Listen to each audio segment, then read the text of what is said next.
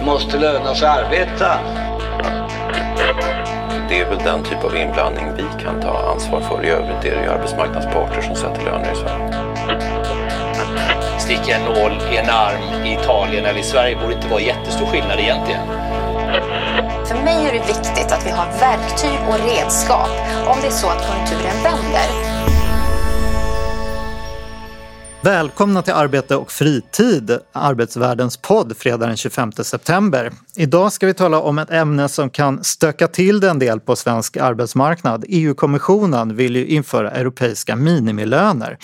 Detta för att, som man säger, hindra lönedumpning och att företag konkurrerar genom att pressa ner lönerna till en farlig nivå. Svenska fack och arbetsgivare protesterar ju kraftfullt och hotar att överpröva kommande lagstiftning i EU-domstolen. Självklart ska vi också höra från en jobbig värld som den här gången ägnar sig åt eh, oväntade effekter av eh, den senaste statsbudgeten. Med oss idag har vi som vanligt Samuel Engblom som är samhällspolitisk chef på TCO. Det stämmer. Vi kan säga också att vi är på plats i TCO-huset för första gången på eh, nästan ett år. Ju. Ja, ett halvår i alla fall. Ja, ett halvår är det kanske. Och vi ska säga välkommen till vår gäst Magnus Astberg som är ekonomisk rådgivare på EU-kommissionens representation här i Stockholm. Ja, tack så hemskt mycket. Magnus, du kan väl börja med att säga någonting om vad EU-kommissionen gör på sitt Stockholmskontor. Hur förhåller sig det till kommissionen i Bryssel? Ja, alltså I alla medlemsländerna så har man då vad vi kallar för representationskontor. Och det handlar ju om att föra ut vad, vad Bryssel, vad man fattar för beslut, vad, vad vi har för saker och ting på gång i Bryssel. Men lika mycket handlar det om att lyssna. Vad är det för viktiga frågor som är Eh, på gång i medlemsländerna? Det, det handlar om att kommunicera åt båda håll och där har ju då skulle jag säga under de åren har det ju utvecklats mycket mer. Man har blivit mycket mer aktiv. Eh, tillbaka i tiden när man, när man kom hit, då skulle man säga EU är bra.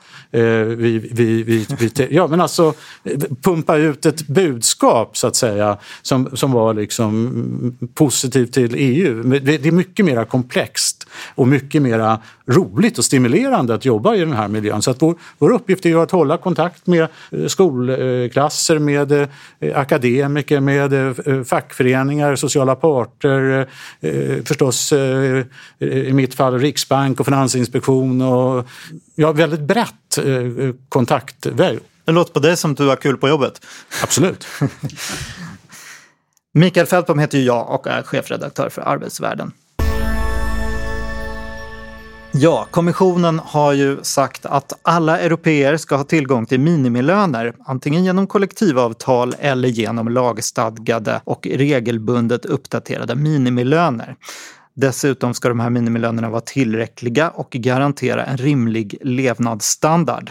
Och det här vill man då åstadkomma samtidigt som man inte vill förstöra det svenska systemet där kollektivavtalen idag sätter lägsta lönerna. Jag tänkte att du Magnus får berätta lite om bakgrunden till det här eh, förslaget som ska komma från kommissionen. Varför driver man detta? Du har ju sagt en hel del av de argumenten vi har. Eh, men, men det, det det handlar om är ju att man vill säkerställa att man har en, en rimlig levnadsnivå inom hela unionen. Eh, och att man då eh, jag ska stötta arbetsgivare som vill ta ett socialt ansvar och också då stötta i de länder där man kanske då eller där man har svagare fackföreningsrörelser där, där det då inom landet kan uppstå liksom en konkurrens eh, för lönedumpning. Men man är också orolig för att den här, en, en sån lönedumpning också kan, kan så att säga, spela över till hela unionen via den inre marknaden. Vem i EU är det som driver det här förslaget då egentligen? Vad, säg någonting om bakgrunden liksom, ja, till att det här kommer alltså det här, upp Det har ju funnits länge. Juncker hade ju det här på sin agenda, den tidigare ordförande i, i, i kommissionen. Så det är en fråga som vi har diskuterat under, under en längre tid. Och von der Leyen hade ju det här också i sitt... Eh, ja, när hon introducerades, så att säga, eller valde, så hade hon ju också med frågeställningen om... om det hade, jag tror att alla kandidaterna faktiskt hade det. Både Timmermans och Vestager hade minimilöner med i sina program. I vilken utsträckning handlar det om att eh, Tyskland tycker att det är en bra idé att man får upp lönerna lite grann i vissa östeuropeiska länder som kanske konkurrerar med eh, om arbetskraft och produktion.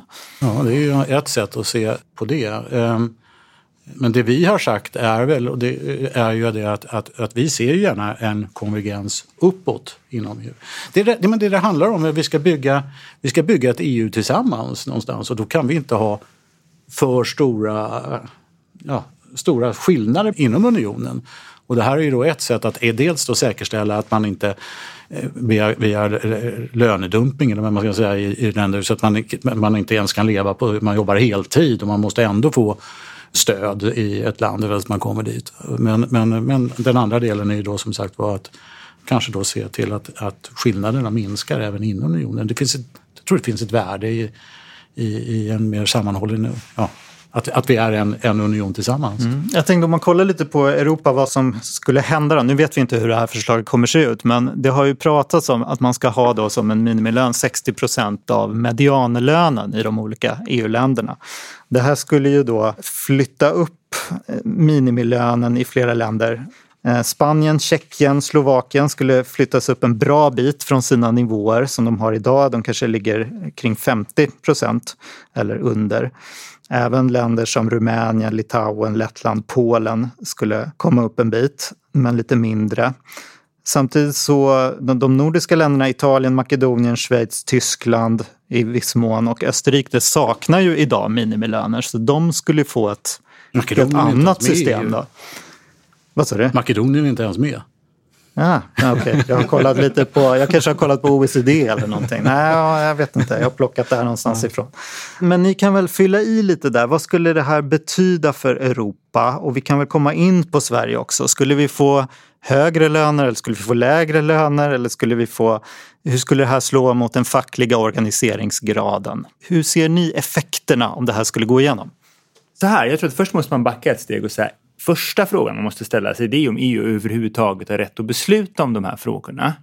Och eh, vilket innebär att skulle man ta ett, ett bindande instrument eh, på det här området så skulle då eh, plötsligt EUs makt ha utökats på medlemsstaternas bekostnad i strid med fördraget. Och då kan det sen få en massa konsekvenser för eh, den svenska arbetsmarknadsmodellen men också för utvecklingen i andra europeiska länder. Det är nämligen så då att, att artikel 153.5 i fördraget säger att, att, eh, eh då att eh, EU inte har rätt att lagstifta om eh, föreningsrätt, strejkrätt, löneförhållanden, rätt, rätt till eh, lockout. Och då, för att kommissionen ska kunna göra det man vill göra så måste man först ta sig runt det där på något sätt.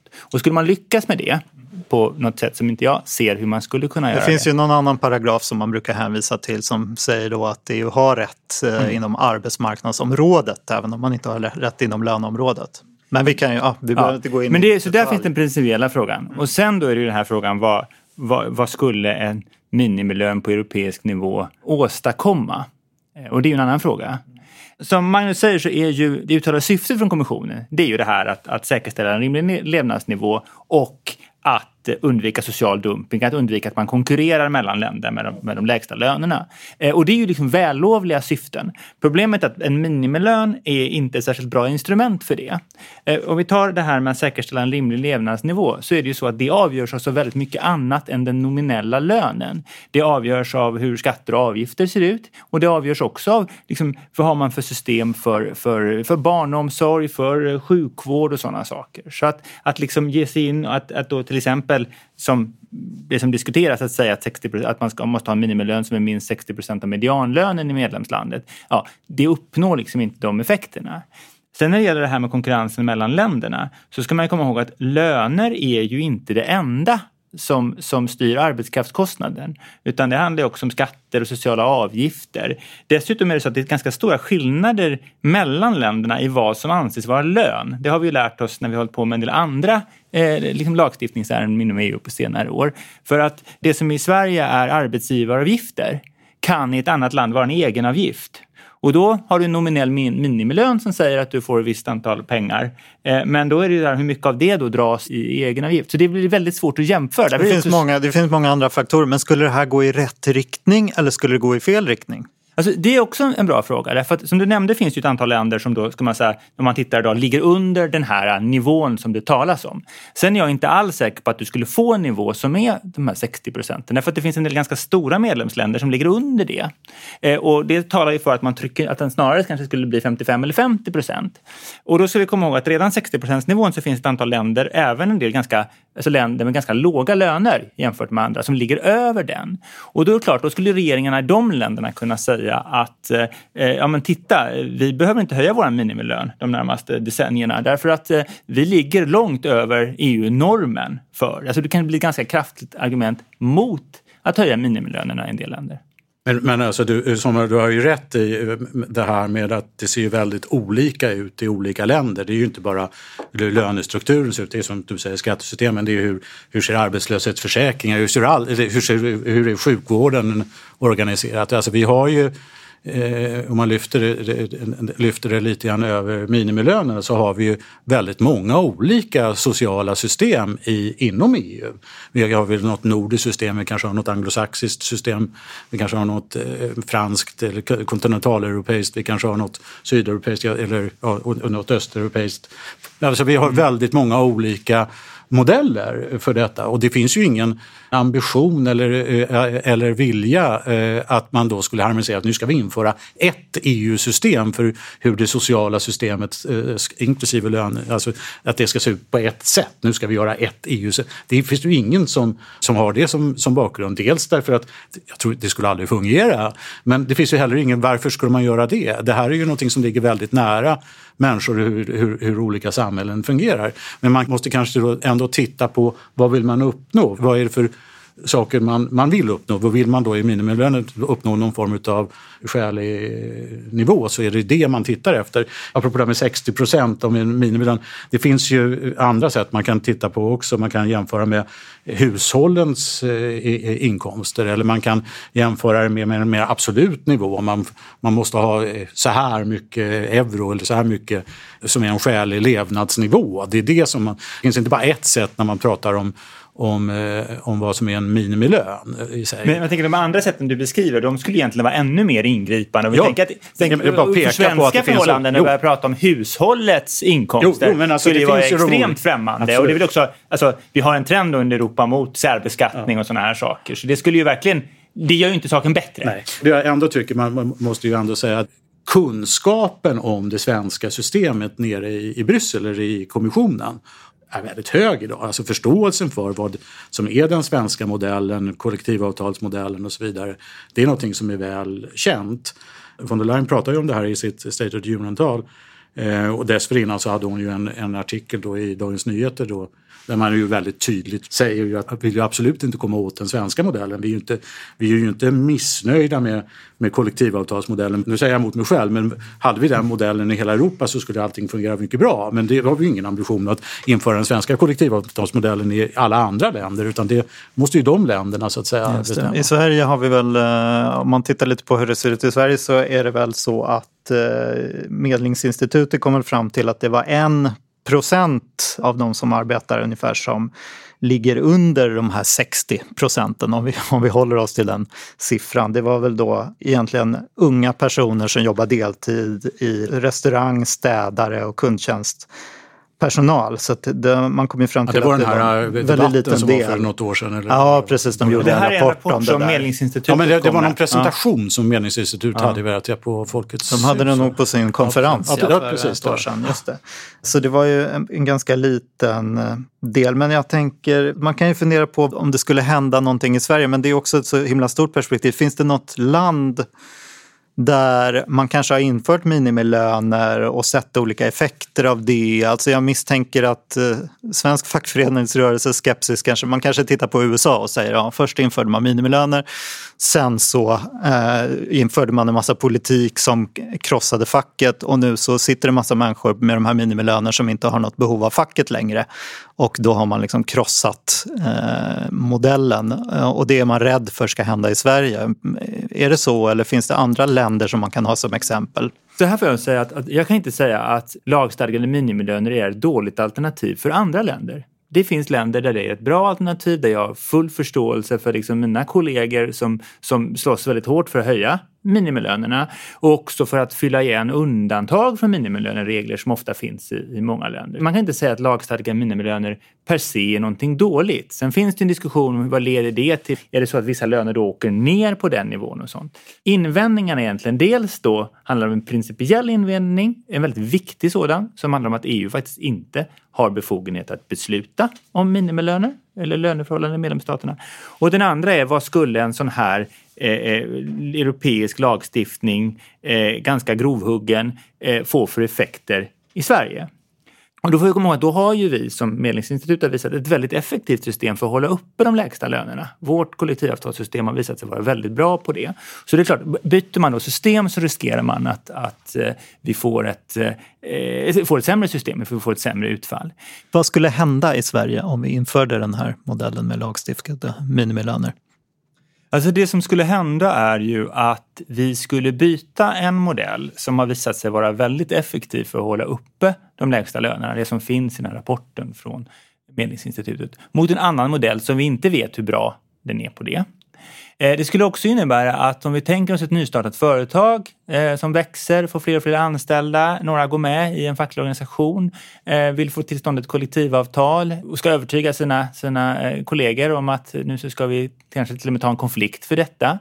Eh, då skulle de kunna säga, ja men kolla här, vi har ju redan den här lönen i lagstadga. Så ju, fler, ju mer lagstadgade rättigheter du har, desto mindre incitamenten att skaffa dig ett kollektivavtal. Och det är en väldig skillnad i om en rättighet finns i en kollektivavtal eller om det finns i en lagstiftning. Därför att kollektivavtalet kommer med ett helt annat övervakningssystem. Det kommer och liksom att man ser till att man faktiskt får de här rättigheterna. Det kommer med ett, eh, också med helt andra sanktionssystem för arbetsgivaren. Det är mycket dyrare och mer allvarligt att bryta mot ett kollektivavtal än mot en, en lag eller en, en liksom bestämmelse men, i ett anställningsavtal.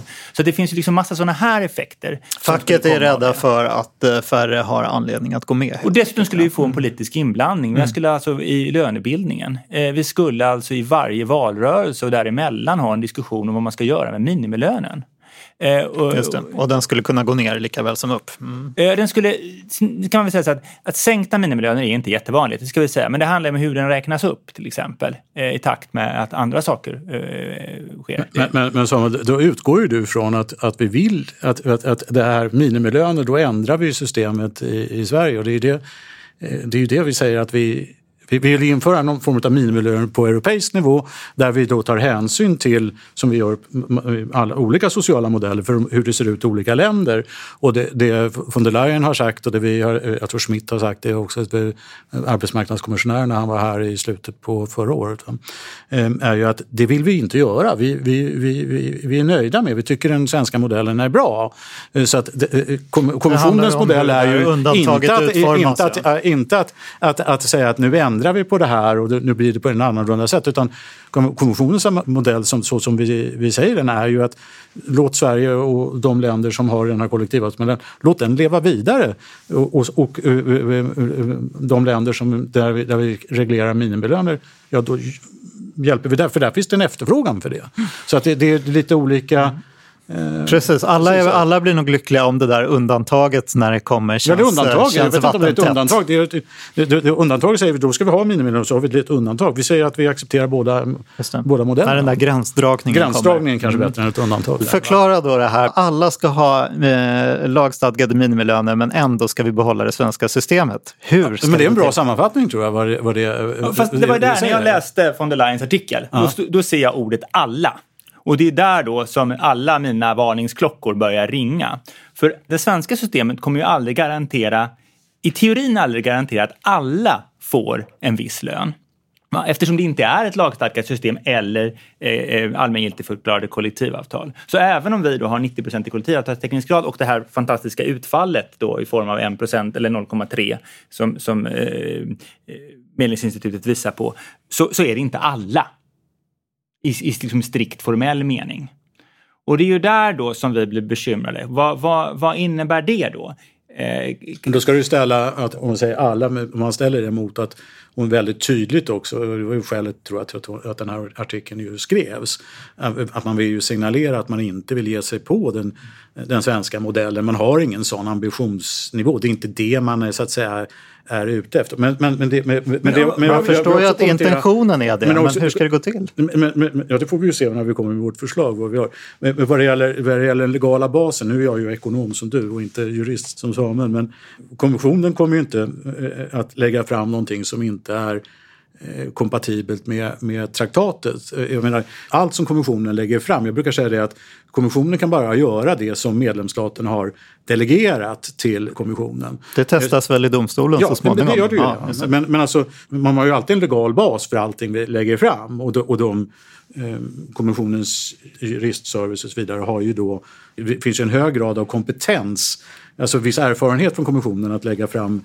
förslag som är förenligt med, med det är liksom jobbet. Det, Men, sen kan man väl säga så här också, två saker. Dels om vi tittar på historien så det är klart att det finns många exempel på där kommissionen försöker utvidga EUs eh, liksom, Eh, e EUs kompetens. Va? Och ibland så får dom, domstolen gå in och, och checka det där. Så att även om jag har stor respekt för den, liksom den rättsliga kompetensen i, i kommissionen så det har ju hänt för att kommissionen har läckt fram saker som sen domstolen har kommit fram till att EU faktiskt inte har rätt att besluta om. Eh, det som är intressant är de här två, det har varit två sådana här eh, Eh, samrådsrundor eh, med parterna som då, där kommissionen har producerat dokument. Och I bägge de här dokumenten så konstaterar man inled, ganska in, inledningsvis att EU inte har kompetens på det här området. Och då tänker man att där skulle det stanna. Då har vi konstaterat att EU har inte kompetens och så, och så kan vi gå hem. Det, den, det man gör som jag tycker är lite skumt, eh, lite konstigt här i den senaste konstellationen är att det finns då en bestämmelse i fördraget som listar områden inom, inom arbetsmarknadspolitiken där man kan fatta liksom, kvalificerade majoritetsbeslut. Då. Eh, och där finns bland annat då arbetsvillkor finns med som ett sånt. Men sen finns det en annan bestämmelse som säger att liksom den makt som ges EU under den här bestämmelsen, den gäller inte då i frågor som rör löner, eh, föreningsrätt, eh, eh, strejkrätt och rätten till lockout. Så liksom då begränsar man då EUs kompetens. Man säger ni har kompetens på arbetsmarknadsområdet men inte vad gäller löner. Och det som då kommissionen gör i det här eh, dokumentet det är att man då säger att, att efter att ha konstaterat att den ena bestämmelsen förbjuder det här och så går det ett antal sidor och sen säger man att men arbetsvillkor, löner är ju en form av arbetsvillkor. Och skulle man köpa den tolkningen så, så har man ju då gjort den här arbetsvillkor till någon sorts liksom generalklausul som säger att vi kan reglera vad som helst på arbetsmarknadsområdet. Och det är det här jag inte får ihop. Och man för inte heller något resonemang och det tycker jag är väldigt synd. Att man för faktiskt inte resonemanget och jag har inte sett att kommissionen har gjort något annat sammanhang hur man får ihop de här två ståndpunkterna som faktiskt står mot varandra. Man har där, inte kompetens där, och man har kompetens. Samuel, det där måste ju som sagt jag är ju ekonom och inte jurist, men det där måste ju då, när, när det väl kommer ett förslag, så är det ju det eh, eh, kopplat till vad vi kallar för impact assessment, där man liksom går igenom, det är en rätt djup analys som kommer. Så jag tror att eh, det, det här är ju svåra frågor som du eh, tar upp förstås, men man kanske måste vänta och se vad kommissionen verkligen lägger fram och hur man så att säga argumenterar för det, det man, man lägger fram. Men jag tror att det är viktigt att förstå att kommissionen kan liksom inte ja, nu tycker vi det vore kul att reglera minimilöner här, då skjuter vi hejvilt ifrån, ifrån eh, höften. Utan det är ju ett väldigt eh, regelstyrt och ett väldigt väl eh, juridiskt så att säga, baserat system. I, och det gäller ju inte bara den här frågan, det ju, gäller ju allting som, som, som EU, att man måste ha en legal bas. Samuel, kan du se hur ett undantag från Eh, europeiska minimilöner för till exempel de nordiska länderna skulle se ut? Eller är det liksom logiskt omöjligt? Alltså så här, man kan ju... Jag har väldigt svårt att se det. Eh, därför att eh, Alltså, om säger, då tänker vi ett, ett, undantag som verkligen håller. För det är klart, man kan hitta på någonting om att aha, länder som har över en viss kollektivavtalsteknisk då gäller de inte de här reglerna. Det är ju en variant, men det menar vi är en alldeles, för svag form av undantag eftersom den, om vi bortser då från den principiella frågan att EU inte har makt, det måste ni hela tiden ha med er. Allt jag säger här är liksom så att EU har inte bestämmelser. Utan när, nu, nu pratar vi om någon sorts parallell hypotetisk verklighet där EU faktiskt skulle kunna lägga fram ett förslag om till ett bindande direktiv och skulle vilja göra. skapa ett... ett ja, inte bindande. nej, ja, ni har inte sagt direktiven, hoppas jag. Nej, det har vi inte sagt. nej, men uh, i den här parallella, det här parallella universumet, den här planeten de hittade med de här gas faserna på. Va? Eh, där, eh, eh, det finns också en EU-kommission och ett EU och så här. Eh, där lägger de fram då, eh, då skulle de försöka skapa ett, ett, och det finns några länder som har avvikande arbetsmarknadsmodell. Där skulle de då vilja skapa ett, ett undantag och då skulle det, man antingen kunna säga så att jaha, eh, det här direktivet gäller bara länder som har regler om eh, minimilön. Har man ingen lagstiftning om minimilön, då gäller inte de här reglerna. Eh, det är ju, det är ju ett rättsligt ganska liksom rent och enkel form av undantag. Men jag har aldrig sett något sånt undantag i någon EU-bestämmelse. Att det finns EU-bestämmelser som bara gäller de länderna som har något sånt. Det skulle vara intressant liksom, att finnas något sånt. Då. Eh, och då, vad händer det också om ett land bestämmer sig för att inte ha någon minimilön? Det är ju en, en sak. Den andra undantaget... Det skulle bli Österrike, du, var, du hade en lista där förut, ja. men det skulle bli Österrike, Cypern, Danmark, Finland, Italien och Sverige. För ja. det är de som, ja. som och då ska vi ha en EU, EU inte, Om man väljer att inte ha, vi har, har man regler så har EU bestämt hur de reglerna ska se ut. Eller har synpunkter, liksom har satt ramar för de reglerna, men har man inga regler behöver man inte ha det. Det är en variant. Eller så är det här att försöka koppla det till någon form av, av eh, liksom, trösklar. Eh, och det riskerar ju, vad händer då i, om det här händer i en sorts viss bransch? Sen har vi också, det öppnar eh, också till ganska komplicerade gränsöverskridande situationer. För vi har ett antal saker när det gäller utstationering, när det gäller upphandling, där man på något sätt vi vill garantera då en, en skälig lön eh, i vissa fall. Och där, där skulle det här kunna få smitt, liksom smittoeffekter där man då säger, ja men varför ska ni gå in med och kräva eh, en, en, högre nivå än den som eh, EU i det här direktivet har sagt är en okej okay nivå. Så det får, kan få ganska så oanade konsekvenser. Och jag tror att här, här spökar en del av Laval till exempel, fortfarande hela den sagan. Därför att vi lärde oss där att vi inte riktigt kan lita på domstolen eh, och att saker kan få ganska oförutsedda effekter och att sådana här undantag i direktiv eh, inte alls nödvändigtvis är värda någonting. Så det är därav den här skepsisen till att det skulle kunna gå att skapa något direktiv. Och då, vi rör oss då i det här parallella universumet där EU har makt att, att, att reglera den här frågan. Man kan vänta att ha den diskussionen tills man vet vad det är som som ligger på bordet. Men jag tycker man måste ändå konstatera att kommissionen har identifierat ett behov utav det här. Det finns stöd i många medlemsländer. Jag tror att även fackföreningsrörelsen på europeisk nivå är också för eh, någon form av minimireglering. Och sen då eh, har vi också sagt som sagt var att vi, vi är ju inte ute efter att Äh, vi är missnöjda med den här äh, svenska eller de här kollektivavtalsmodellerna utan tvärtom har vi sagt att de är vi nöjda med. Vi tycker att de är, äh, är väl fungerande och vi har ingen ambition av att ge oss på dem.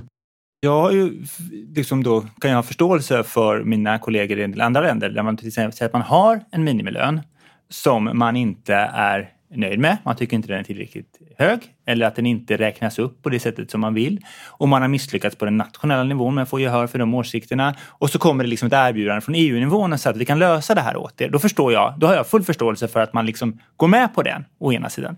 Å andra sidan så är det där lite kortsiktigt. Därför att i många fall var ju vi, samma, jag och samma kollegor satt ju för ett antal år sedan och diskuterade den här kompetensfrågan ur ett annat perspektiv. Och det var ju i samband med finanskrisen och det som... Med kompetensfrågan, då menar du vad som är EUs rätt att lagstifta, ja. inte det vi annars jag säger, ja, precis. Kompetens. kompetens i det här fallet då är ett juridiskt begrepp och inte, handlar inte om huruvida man förstår det här med, med löner eller inte. Eh, så. Men så diskuterar vi den här frågan om vad EU har rätt att bestämma över, men ur ett annat perspektiv. För under finanskrisen så var ju EU en del av den här trojkan som ju då sa till till exempel Grekland att de måste göra vissa saker med sina löner, sänka sina löner. Eh, och då var Europafacket, eh, mycket då en del samma personer som nu är ute i den här debatten på andra sidan, eh, väldigt noggranna med att EU inte hade beslutsbefogenheter över lön. Och då kan man säga i det fallet fanns det också en fråga, men så här, är det här, vänta, i vilken egenskap deltar EU i trojkan och så här? Så det fanns ju liksom, där fanns ju en, en, egentligen en luddigare rättslig bild än det som diskuteras nu. Eh, och det är väl lite det här att har man en gång gett EU makten att, att höja löner, då har man också gett EU makten att sänka löner. Och det tror jag att det finns en del som verkligen måste fundera fundera igenom om de vill. Va? Så den, där är då kanske det här hur, att vi har lite olika syn på sakerna mellan oss och våra europeiska kollegor. Jag tror att vi ser fram emot när vi får vårt förslag, så vi, när det här förslaget kommer, så vi vet vi, hur det så att säga ser ut. Verkligen. Det är väl, är, det är väl ingen som vet när det, det kommer sagt. exakt? Jag, jag, under slutet av det här året är det väl det som jag tror att vi har sagt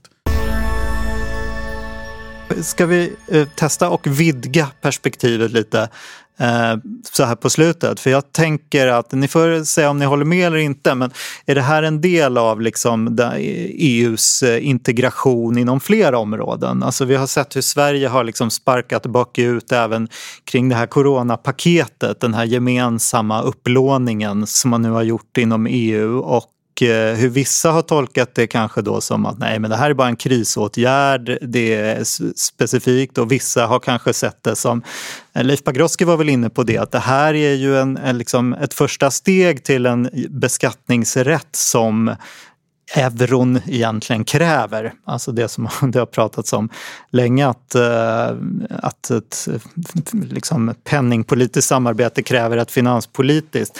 Man kan väl ha olika åsikter om det där men Sverige verkar ju allt mer vara på kant mot ett, med ett allt mer integrerande EU. Jag vet inte hur ni ser alltså, på det där. Jag skulle vilja nyansera det. Men jag tror det är väldigt farligt att försöka liksom karaktärisera medlemsländer som mer eller mindre pro-europeiska. Jag vet att det är någonting som man gärna vill göra.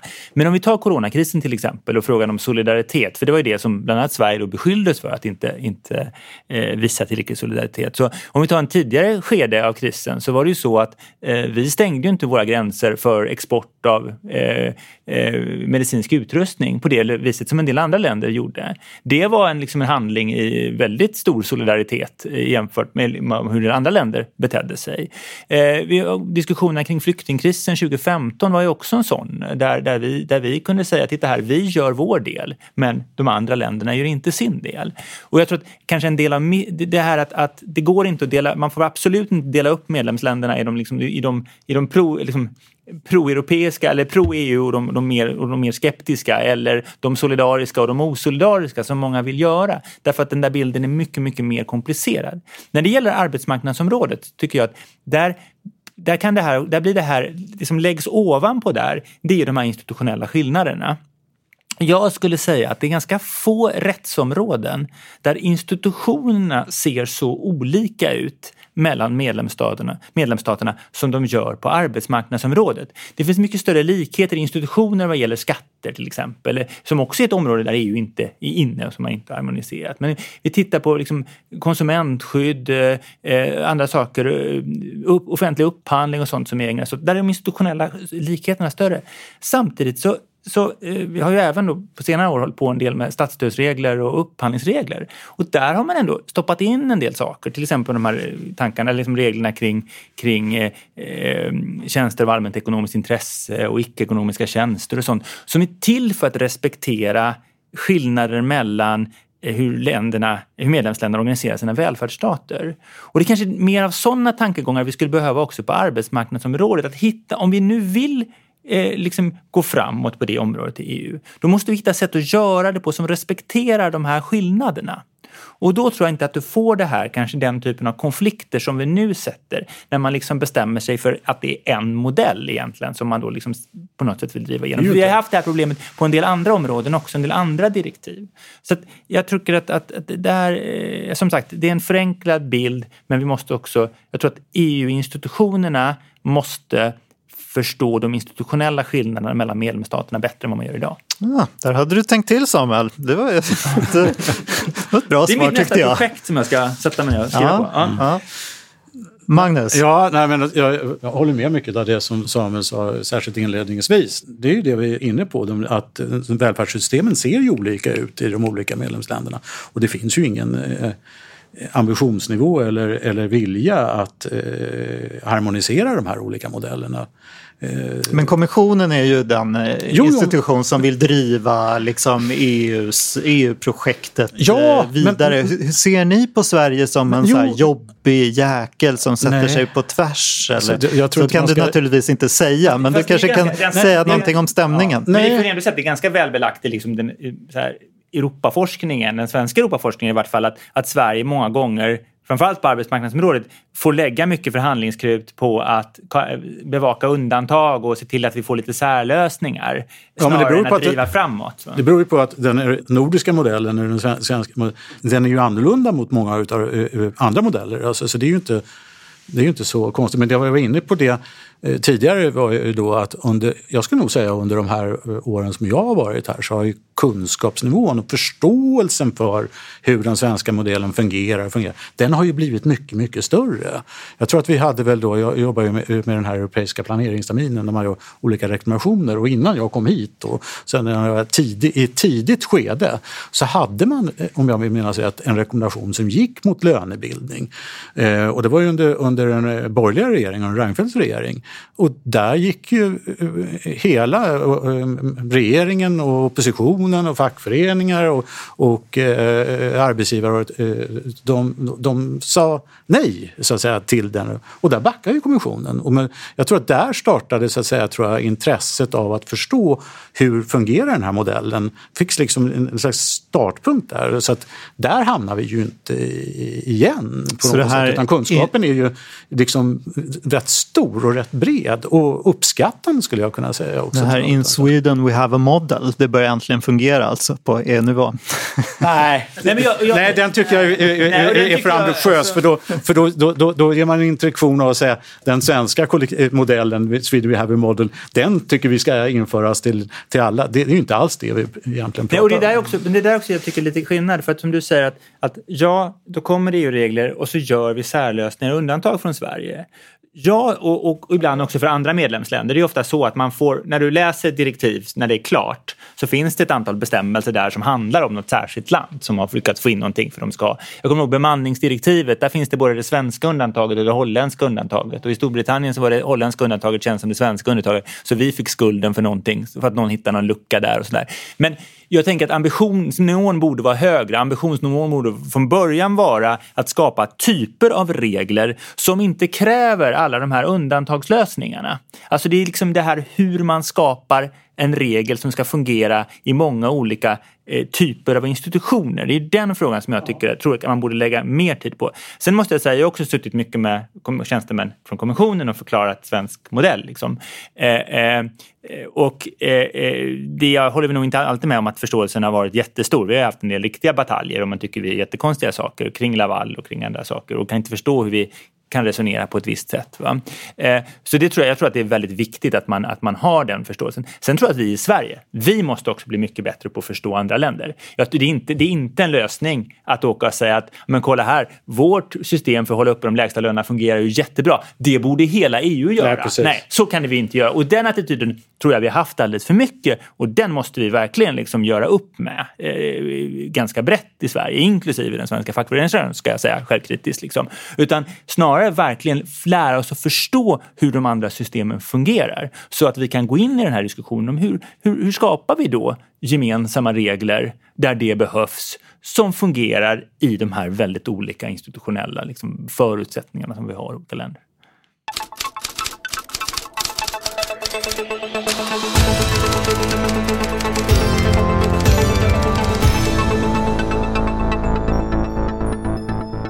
Kroggäst stärkte Sveriges försvarsförmåga. Beskedet tidigare i veckan att regeringen vill höja alkoholskatten för att öka anslagen till försvaret fick till följd att en 41-årig svensk man beställde ytterligare en öl på restaurang Kvarnen i Stockholm.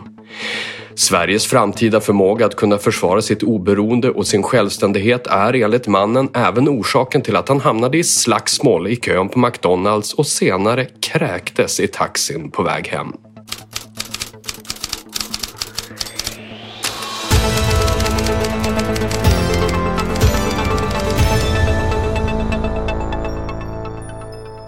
Ja, vad säger ni? Är det så här det går till? Man höjer alkoholskatten och så skyfflar man pengarna till försvaret? Alltså formellt så är ju inga skatter öronmärkta, men det är klart att i en förhandling så kanske det var så att man stod där, okej, okay, ni vill höja eh, anslagen till försvaret, eh, var ska vi ta de pengarna? Och så blev det alkoholskatten. Så det kan ju finnas ett sånt samband. Eller så är det bara rent politiskt spinn att man kom på att det var ett, bra sätt att säga det på. Ja, det kommunicerades ju så här i efterhand. Men eh, vad säger du Magnus? Ja, det kanske, jag, jag har ingen synpunkt på det egentligen, men jag menar, det, som Samuel säger, det är ju inte så att man öronmärker en inkomst och så kopplar man det till en specifik eh, utgift så att säga. Det, det, det finns ju inte den kopplingen. Men det, Det är klart, det är alltid lite roligt att säga att man kan dricka en pilsner extra så blir det bättre för försvaret. Men det, det kanske är tvärtom då. Man får sluta dricka alkohol för att man är pacifist. Just det, just det. Man får göra alla besvikna, de här som tror då att de kan antingen eh, dricka ihop, ihop till en ny ubåt eller som tänker att de ska svälta ut det militära försvaret genom att bli nykterister. Det, det funkar inte så enkelt. Nej, världen är inte så.